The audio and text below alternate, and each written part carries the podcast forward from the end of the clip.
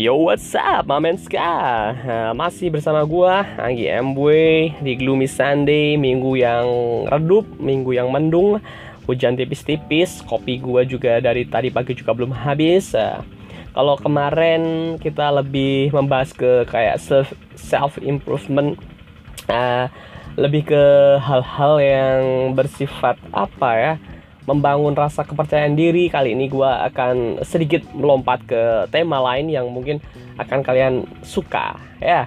Tema kali ini gue pingin uh, sedikit uh, ngobrol tentang beberapa genre musik. Ya tentu saja mungkin kalian di sini uh, punya banyak sekali idola dari band atau solois ataupun uh, uh, siapa pemain instrumental uh, yang kalian idolakan mungkin? Oke tanpa basa-basi lagi kita langsung gas aja ini di genre musik yang pertama. Saya punya genre uh, musik klasik. Nah, siapa sih ya yang nggak tahu musik klasik?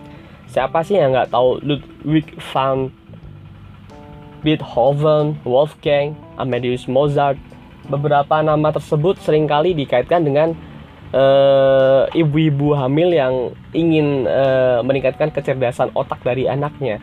Mungkin beberapa dari mereka uh, uh, memperdengarkan uh, janin mereka dengan beberapa uh, musik klasik karya komposer yang saya sebutkan tadi. Di musik klasik saya uh, sejauh ini selama kurun waktu 10 sampai 15 tahun hanya memperdengarkan karya-karya uh, seperti uh, yaitu tadi Beethoven, Wolfgang, Amadeus Mozart.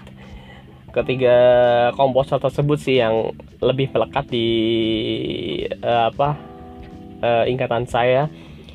Musik klasik uh, saya tidak uh, begitu uh, paham ataupun tidak begitu ahli dalam uh, istilahnya mencari sejarahnya atau apa yang saya tahu musik klasik itu membuat diri saya lebih rileks. Karena beberapa musik klasik tidak hanya uh, mengedepankan satu instrumental instrumental saja. Kadang uh, uh, basicnya kita bisa mendengarkan musik klasik dari uh, piano solo, gitar solo atau violin ataupun apa yang lain mungkin. Dan hal itu membuat saya uh, semakin uh, lebih aware terhadap sekitar. Nggak tahu kenapa sih musik klasik tuh uh, nyaman aja didengarkan di mana aja. Bahkan kalau lu lagi boker di WC pun lu dengerin musik klasik eh uh, itu mata bener sih. Oke itu mungkin sedikit pengetahuan saya dari musik klasik. Di beberapa tahun uh, saya memperdengarkan musik itu. Yang kedua ada apa ya? Hmm, mungkin blues ya blues. Kalau berbicara tentang blues tidak uh, saya tidak bisa me, memalingkan ingatan atau memori saya tentang uh, uh, King ya kita di Solo itu. BB King blues. Kalau di Indonesia mungkin ada kayak Gugun Blues Shelter di mana se sejatinya musik blues juga hampir sama rootsnya atau akarnya sama musik jazz, musik klasik di mana uh, di sepersekian menit atau di sepersekian detik mengedepankan uh, solo dari beberapa instrumen yang uh, mereka kuasai.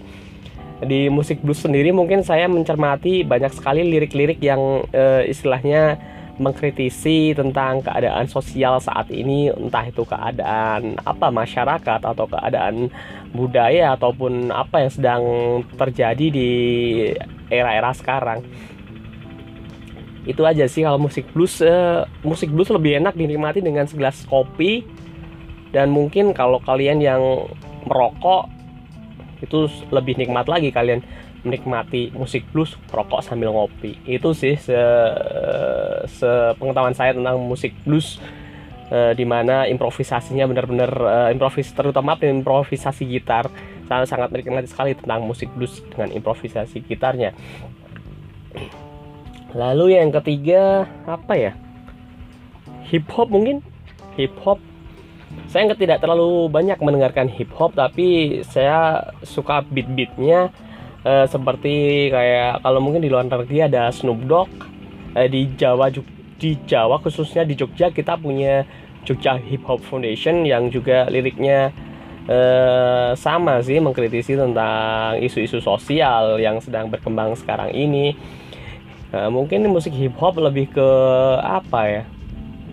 Hmm, menurut saya lebih asik dinikmati saat kalian sedang uh, hangout bersama teman-teman rame-rame mungkin. Kalian putar musik hip hop uh, yang jelas menikmati musik hip hop dengan segelas kopi mungkin saya tidak merekomendasikan ya.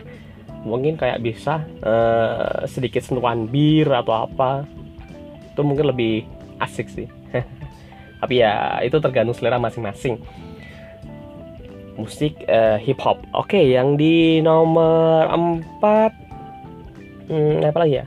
Jazz, ya, jazz. Jazz ini kalau saya uh, uh, runtut lagi uh, pengalaman saya kemarin menikmati beberapa konser musik jazz. Kebetulan saya uh, hidup dan lahir di Jogja dan beberapa tahun kebelakangan ini uh, iklim musik jazz di Jogja sangat-sangat uh, pesat. Di mana setiap uh, weekend setiap uh, bulan setiap mungkin setahun sekali sering sekali ada event musik jazz uh, di Yogyakarta ini. Yang paling saya ingat itu ada kayak Prambanan Jazz Festival ada kayak uh, Ngayog Jazz. Itu benar-benar ya, ingin merubah stigma kalau mungkin uh, zaman dulu musik jazz hanya bisa dinikmati oleh beberapa kalangan orang yang uh, istilahnya borjuis berduit. Tapi mungkin uh, lebih ke era-era sekarang musik jazz lebih merakyat. Mereka main-main di kampung-kampung main-main di apa sih yang nggak terlalu glamor. Di Indonesia lebih tepatnya saya uh, ada beberapa musisi jazz yang uh, menjadi panutan saya nggak uh, hanya skill tapi attitude-nya juga menurut saya lebih keren sih. Ada kayak Dewa Bujana itu gitaris yang sampai sekarang saya benar-benar mengidolakan beliau. Dia punya style permainan yang unik yang nggak nggak dimiliki sama orang-orang atau gitaris-gitaris yang lain.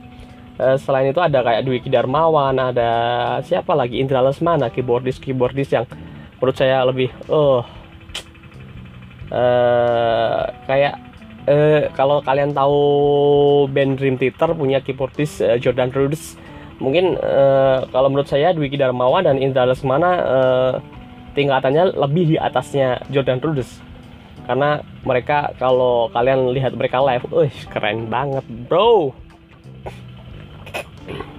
Oke, itu ada musik jazz ya tadi. Musik jazz, musik jazz lebih prefer, lebih enak dinikmati di mana aja menurut saya. Di mana aja dengan apa aja dengan uh, kondisi apa aja. Lebih ini sih lebih santai kalau musik jazz. Karena banyak sekali improvisasi di situ. Kita main uh, main tema apa terus uh, membebaskan beberapa player sessionnya untuk uh, me memainkan apa aja yang mereka inginkan musik jazz lalu yang kelima ada musik pop. Siapa sih yang tahu musik pop? Siapa yang nggak tahu Ed Sheeran? Siapa yang di Indonesia nggak tahu uh, uh, Seven mungkin? Shalom Seven salah satu band pop yang sampai saat ini masih masih apa? Masih masih keren-keren aja. Dan istilahnya nggak dimakan zaman seperti itu ya karena apa ya musik pop itu lebih mungkin ke uh, realita realita keseharian kita lebih mungkin ke uh, drama cinta ataupun yang lain tentang sakit hati dan lebih mungkin lebih bisa diterima di kalangan uh, orang Indonesia dengan lirik-lirik yang uh, sederhana dengan lirik-lirik yang mudah diterima oleh masyarakat uh, musik pop. Ya musik pop. Dan uh, pertama kali saya uh, bisa menikmati musik sebelum saya menikmati metal dan rock. Pertama kali saya menikmati musik pop itu sih. Lalu yang selanjutnya yang keenam ada musik metal. Nah ini. Uh, musik metal ini saya konsumsi uh, lebih dari setahun belakangan ini. Uh, kenapa saya uh, belakangan ini lebih suka menghadiri musik uh, uh, konser musik gigs gigs uh, kecil-kecilan. Karena musik metal sendiri membawa pesan lirik yang uh, sangat um, apa ya menurut saya masih sangat relevan dengan kehidupan kita sehari-hari. Uh, menyuarakan apa kampanye kampanye tentang ketidaksetaraan ataupun yang lain. Pokoknya saya lebih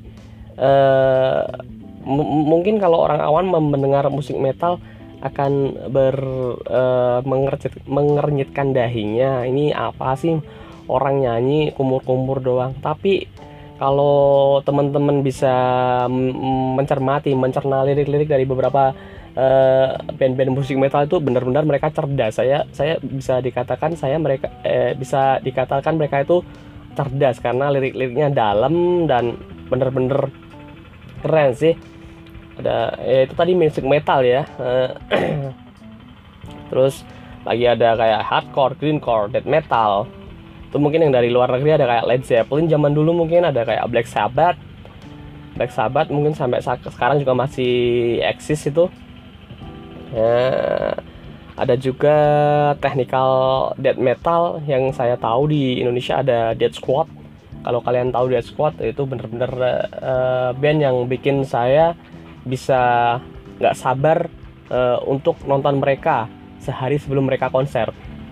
Ataupun seminggu sebelum mereka konser lah. Saya sudah prefer untuk uh, menghafal beberapa lirik dari mereka. Karena benar-benar uh, mereka punya passion punya uh, color tersendiri terhadap uh, genre musik uh, tadi tersebut ya oke ya selanjutnya mungkin ada nomor 7 ada musik apa ya?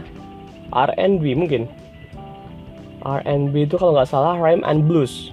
Campuran ada antara rhyme and blues kalau nggak salah ya. Kalau saya salah mungkin bisa dibenarkan.